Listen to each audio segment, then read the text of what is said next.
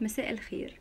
في حياتنا بنقابل أشخاص وبندخل في علاقات بتشكل لنا علامات استفهام كبيرة قوي من ساعة ما بتبدأ العلاقة لغاية ما بتنتهي وبنبقى محتاجين تفسير وأجوبة لحاجات حصلت جوه العلاقة دي. العلاقات دي أنا بسميها علاقات سامة وليه علاقات سامة؟ لأنها بتاخد مننا كل حاجة حلوة وطاقات إيجابية وبتحط مكانها مشاعر سلبية وطاقات سلبية. الدكتور محمد طه اتكلم عليها بشكل مختلف. دكتور محمد طه طبعا غني عن التعريف أستاذ الطب النفسي والكاتب الأكثر من رائع اتكلم عليها في كتابه. كان مسميها ألعاب نفسية وقال إن الألعاب النفسية دي هي اللي بتخلينا في علاقة نلف حوالين نفسنا وهي اللي بتخلينا في علاقة تانية ننسى نفسنا.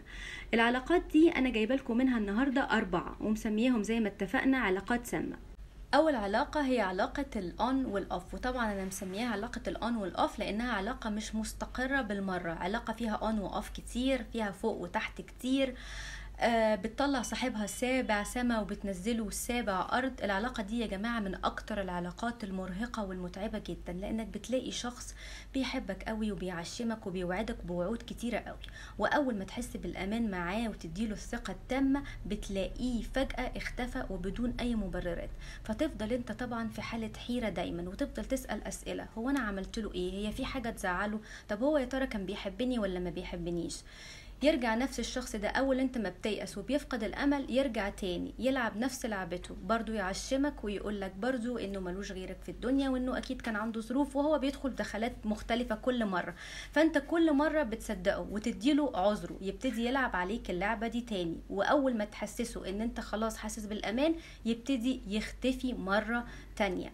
كل مرة بيتلعب بيك زي الشطرنج بالظبط. ممكن اللعبة دي تتكرر مرة واتنين وعشرة.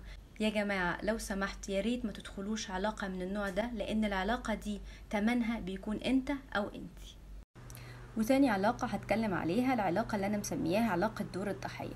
العلاقة دي علاقة الشاكي الباكي. طول الوقت بتدخل على واحد تلاقيه عمال يندب في حظه. أنا تعبان أنا مظلوم ما بيزهقش من الشكوى. ليه يا ربي حصل فيا كده؟ إشمعنى أنا اللي بيحصل فيا كده؟ طبعا تفضل أنت صعبان عليك الشخصية دي وتحاول إنك تساعده وتحط نفسك مكانه وتبحث له عن حلول كتيرة قوي وتفضل تقول له طيب إيه رأيك في الفكرة دي؟ يقول لك جربتها بس ما نفعتش معايا. طب تقول له طب تعالى نفكر في حل. يقول لك يعني هيحصل إيه يعني؟ ما أنا كل حياتي كده وكل حياتي فقر في فقر في فقر. تلاقيه دايما بيقفل لك كل السكك اللي أنت بتفتحها. طب تعالى نروح لدكتور. لا لا الدكاترة ما بتنفعش معايا خالص. ممكن تنفع في حالة تانية بس حالتي أنا ما تنفعش. ودايما يوصلك لحيطة سد. فأنت طبعا بتحس باليأس وبتحس بالعجز إنك ما قدرتش تساعده. بعد ما كنت داخل عليه بكل الطاقات الإيجابية بتوصل إنك في مرحلة يأس وكلك بقى طاقات سلبية.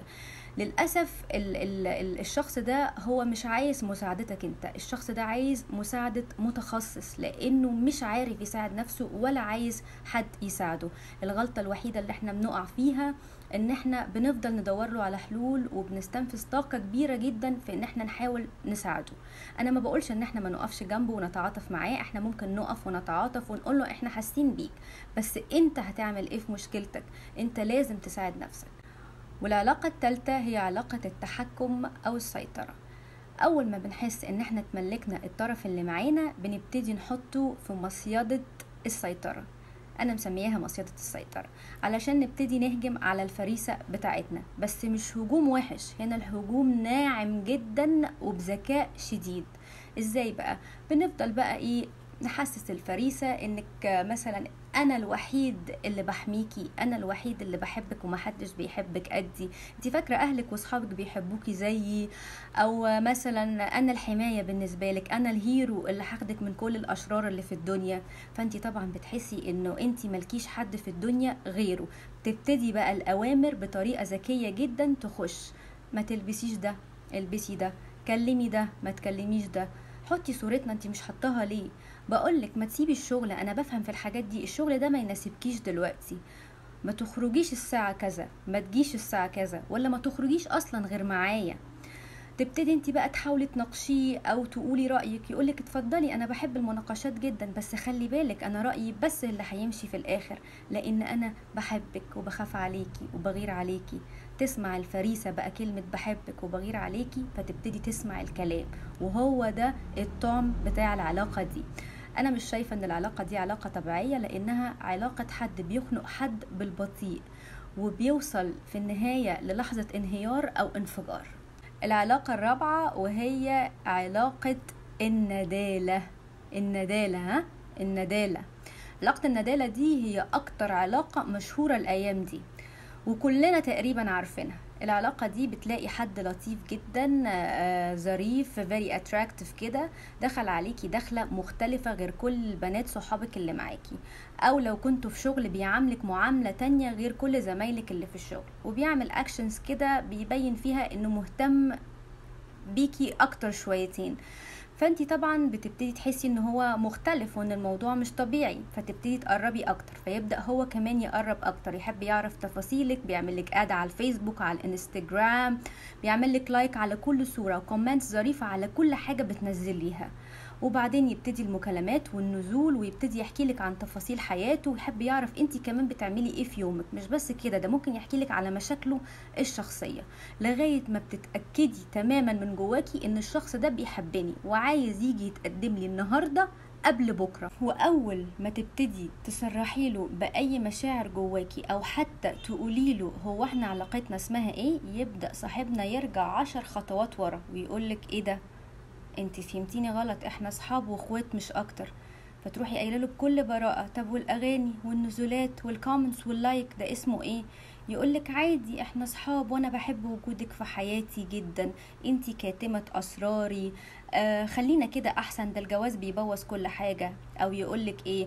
خلينا نشوف الدنيا هتودينا فين. أو أنا عندي مشكلة تمنعني من الجواز أو مرض خطير. أو الجملة الشهيرة اللي كلنا عارفينها انتي تستاهلي حد احسن مني. طبعا ال- ال- الرجالة دي أو الأشخاص دي آه، مش بتوع مسؤولية. ده مش بس كده ده في ناس أخطر من كده كمان. لو شافك متحفظة حبتين ممكن يدخل البيت ويخطب ويعمل كل حاجة ويحدد ميعاد الفرح. وقبل ميعاد الفرح بأيام أو ساعات يخلع. طبعا العلاقات دي علاقات صادمة جدا لأن أصحابنا هنا بيكون لسانهم بيقول كلام ومواقفهم بتقول كلام تاني خالص. ما بيصرحش أو بيقول أي حاجة تتمسك عليه بعد كده. طبعا بيعيشك في حالة حب وبيعمل لك أحلى ذكريات بس دوره بينتهي عند الدور ده. ما بيعرفش يعمل أي حاجة بعدها. المشكلة يا جماعة إن المسؤولية هنا ممكن تبقى في حاجة صغيرة إحنا مش حاسين بيها. النظرة مسؤولية. المسجز اللي إحنا بنبعتها لبعض بطريقة غير مباشرة مسؤولية. الكلمة اللي بنقولها بلساننا مش مسؤولية. المشاعر اللي بنحركها جوا بعض مسؤولية. ال comments وال like دلوقتي بقوا مسؤولية. فياريت نخلي بالنا من الكلام اللي بنطلعه والمشاعر اللي بن بن بن بنبادلها لبعض علشان دي مسؤولية كبيرة بعد كده. العلاقات بتاعتي لسه ما خلصتش. إن شاء الله المرة الجاية هتكلم في علاقات سامة تانية. ممكن تكون أنت كنت طرف من العلاقات دي. واشوفكم على خير.